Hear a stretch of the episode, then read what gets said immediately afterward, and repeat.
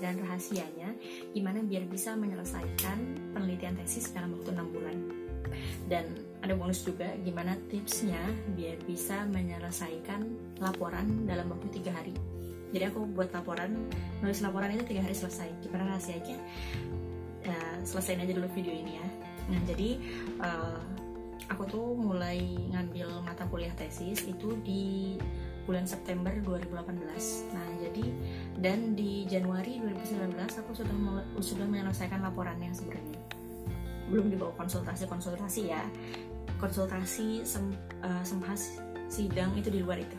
Cuma kalau misalnya dari penelitian masuk lab sampai menyelesaikan laporan itu jangka waktu September 2018 sampai Januari 2019 nah sebenarnya banyak yang nanya sih uh, kok bisa sih secepat itu? Padahal kan yang lain kayak butuh waktu lama butuh belum nyusun ide belum maju ke dosen belum judulnya ditolak-tolak kayak gitu.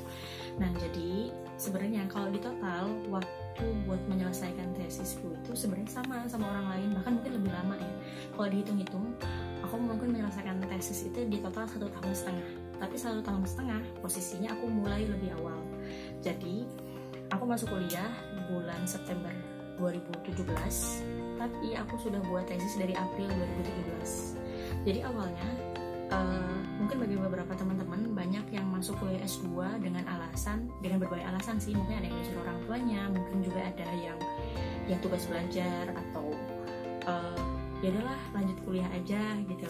Kenapa? Karena nggak dapat kerja ya udahlah lanjut kuliah aja itu sih alasan teman-teman semuanya punya alasan sendiri dan saya nggak berhak untuk menjudge mana alasan yang benar dan mana alasan yang salah.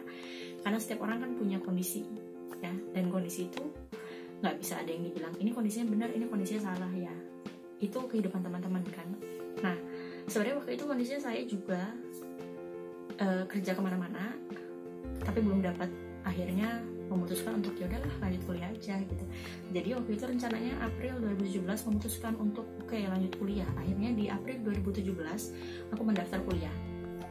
Oke okay, fix daftar kuliah sambil menunggu jadwal tes. Akhirnya aku membuat tesis gitu. Nah jadi aku memutuskan mengambil kuliah jurusan apa setelah aku punya judul tesis. Jadi waktu itu kepikiran ada satu judul yang kepikiran akhirnya dibuatlah judul itu. Nah dari April sampai September 2017 itu nyari jurnal buat proposal. Jadi sebenarnya proposal itu sudah jadi sebelum mulai masuk kuliah pertama. Proposal udah jadi cuma masih berantakan banget. Dan itu setelah uh, setelah jadi ini ya September 2017 itu masih akan melalui proses perubahan-perubahan sampai belasan kali sebenarnya sampai jadi tesis yang sekarang gitu yang sekarang dipublikasikan. Nah jadi uh, alurnya seperti ini April 2017 punya judul habis itu oh ini judulnya. Tapi aku merasa itu nggak nyambung dengan uh, background background pendidikanku S1 S1 nya jadi kan aku S1 teknologi hasil pertanian S2 lanjut di teknologi hasil pertanian. Cuma aku pengen membuat aku pengen membuat suatu penelitian yang belum pernah ada di Indonesia. Jadi buat penelitian yang sebenarnya itu agak mengarah kombinasi psikologi dengan kedokteran tapi tetap di bawahnya ada basisnya teknologi per, teknologi hasil pertanian atau teknologi pangannya di situ.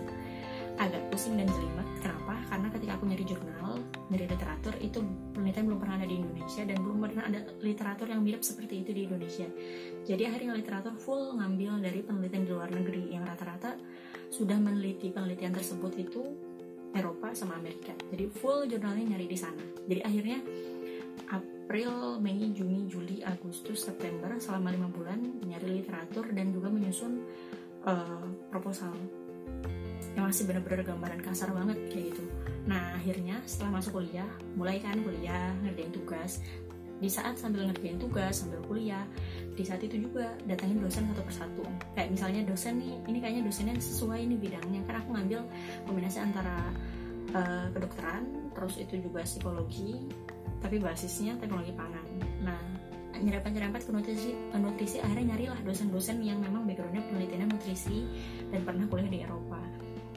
Nyari terus sudah itu datang ke setiap dosennya terus itu dikonsultasikan lah saya punya judul kayak gini. Kira-kira kalau misalnya kayak gini berpotensi nggak? Atau apa? Ada beberapa dosen yang kasih saran ada yang memberikan motivasi dan lain sebagainya. Jadi sebenarnya di situlah aku udah mulai lebih awal. Cuma karena mulai lebih awal jadi kan nggak ada yang ngedorong-dorong kayak gitu. Uh, kalau misalnya ditanya apakah selama prosesnya itu ada nggak moodnya ada capeknya ada malesnya ada lah semua pasti ada. Cuma analoginya kayak gini kalau kamu lomba lari terus kamu udah lari duluan sebelum orang lain. Ketika kamu lagi capek istirahat bentar kamu masih belum kesalip sama orang-orang lain yang belum mulai lari kan? Nah analoginya juga kayak gitu.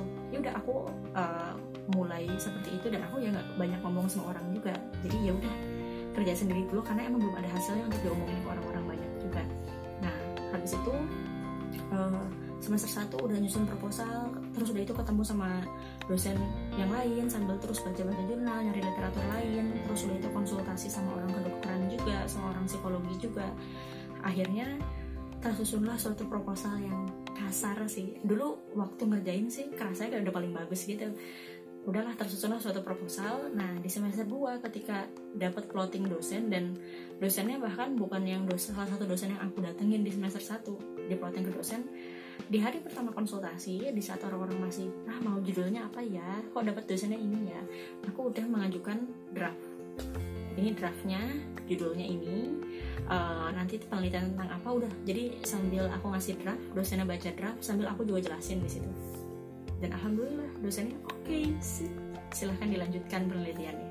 Oke lanjutlah penelitian tersebut uh, jadi di semester 2 studi literatur cuma masih belum belum boleh semprot kan. Kenapa? Karena seminar proposal baru boleh setelah kita ngambil tesis SKS yaitu di semester 3 jadi akhirnya pas masuk semester 3 sekitar bulan Oktober kalau nggak salah baru seminar proposal. Oktober atau September awal baru seminar proposal. Nah setelah seminar jadi sebelum seminar proposal ya sambil ngurus-ngurus uh, bolak balik konsultasi ke dosen satu sama dosen dua ya aku sambil ngurusin uh, izin surat izin buat masuk lab terus udah itu beli-beli bahan dan lain sebagainya. Jadi uh, salah satu tipsnya adalah kalau misalnya lagi waktunya konsultasi sama dosen terus misalnya dosennya nggak ada nih lagi keluar kota baru ada minggu depan. Nah di antara waktu itu tuh jangan gabut ya ngapa-ngapain. Jadi ya kalau misalnya masih sempat beli bahan beli bahan dulu. Ngurus perizinan datang ke admin kayak gitu. Jadi dimanfaatkanlah waktu di antara itu kayak gitu nah habis itu akhirnya sempro di September atau Oktober ya lupa. Sekitar antara September sampai Oktober itu seminar proposal. Setelah itu langsung masuk lab penelitian. Setelah penelitian selesai bulan Desember uh, nah udah itu baru analisa data. Di bulan Januari akhirnya mulai menulis laporan. Nah, untuk menulis laporan ini, berapakah waktu yang dibutuhkan? Setiap orang punya waktu yang berbeda-beda untuk menyelesaikan laporan, tapi aku bisa menyelesaikan dalam waktu tiga hari. Nah, apakah itu cepat atau enggak? Itu tergantung masing-masing. Tapi aku ngerasa itu cepat banget. Karena biasanya kalau untuk di jurusanku menyelesaikan laporan itu butuh waktu beberapa bulan sih, dan aku bisa menyelesaikan tiga hari. Kenapa? Jadi tipsnya adalah uh, yang bikin kita lama ketika kita nulis laporan adalah ya udah nulis dulu. Pas udah nulis, ini dari mana ya literaturnya bingung nyari lagi nyari lagi nyari lagi kayak kita belum punya dasarnya untuk menulis sesuatu nah itu yang bikin kita lama jadi tipsnya adalah data udah ada semua udah dianalisa semua terus kita juga udah tahu trennya kayak gimana udah ngerti baca data dan menginterpretasikan datanya. Habis itu kita juga sudah punya sumber literatur yang udah dikumpulin banyak banget tuh. Dari situ baru kita langsung nulis. Jadi kita tahu misalnya ini data ini bacanya gimana ya? Itu udah tahu semua udah nggak lama di situnya. Karena kenapa? Biasanya data udah ada tapi nggak ngerti gimana cara baca datanya. Terus ternyata data yang ini bagus yang ini nggak terlalu bagus. Kenapa ya? Bingung lagi nah itu yang bikin lama. Kenapa? Karena pas bingung pas mumet kan. Udah mumet ditinggal dulu deh. Itu yang sebenarnya bisa selesai dalam beberapa bulan bisa jadi selesai beberapa tahun atau beberapa semester. Biasanya karena itu. Mumet ditinggal dulu mumet ditinggal dulu. Akhirnya nggak selesai selesai gitu. Itu tipsnya. Nah terus udah itu uh, tips lainnya adalah uh, sebenarnya ini pribadi ya. Jadi ini balik ke teman-teman. Uh, waktu lebaran teman-teman itu banyak yang pulang satu bulan dua bulan tiga bulan libur lebaran memang panjang sih. Dan banyak yang libur selama itu. Sementara kalau saya liburnya cuma ngambil dua minggu aja. Kenapa cuma dua minggu aja? Karena saya merasa itu prioritas. Tesis adalah prioritas. Jadi ya kalau misalnya kelamaan liburan nggak ngapa-ngapain ya nggak selesai selesai dong tesisnya. Sementara semester terus berjalan kita juga bayar uang semesteran. Kalau nggak selesai ya nanti di semester lima akan bayar uang semester lagi sendiri kayak gitu tanpa ada beasiswa. Nah itu yang jadi motivasi sebenarnya. Jadi di saat orang-orang lagi liburan jalan-jalan kayak gitu aku tuh di depan laptop ngerjain tesis gitu. Jadi ngelihat orang-orang yang weekend malam mingguan sama pacarnya jalan-jalan nonton ke bioskop uh, ya pokoknya liburan kayak gitu. Dan aku tetap di depan laptop gitu. Kadang-kadang ngerasa ya orang-orang liburan kenapa ya? Aku tetap di depan laptop gitu. Tapi semua itu terbayar ketika aku bisa lulus lulus lebih awal udah nggak ada tanggungan uh, semester 5 masih kuliah kayak gitu. Dan juga dapat beasiswa. Karena bisa mempertahankan IPK ya uh, usaha tidak pernah mengkhianati hasil ya. jadi pada akhirnya ya aku bersyukur dengan usaha yang aku lakukan itu semua memberikan hasil yang memuaskan kayak gitu. So thanks to myself.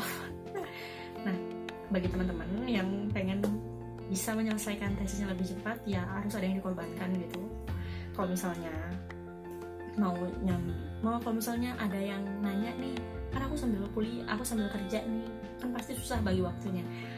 Oke aku jelasin. Jadi di tahun uh, eh, 2017 itu aku memang sambil kerja cuma kerjanya nggak intens banget. Nah di tahun 2018 ketika aku ngambil SKS skripsi 0 SKS itu aku sambil kerja di dua tempat. Jadi aku ngajar di SMA ngajar IGCSE uh, kelas persiapan bahasa Inggris untuk anak-anak yang mau kuliah S1 di luar negeri.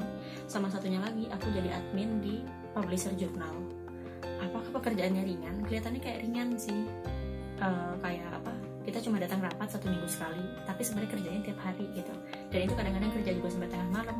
Di samping itu kita juga punya beban untuk harus nge-lab kita harus buat laporan kita analisa data.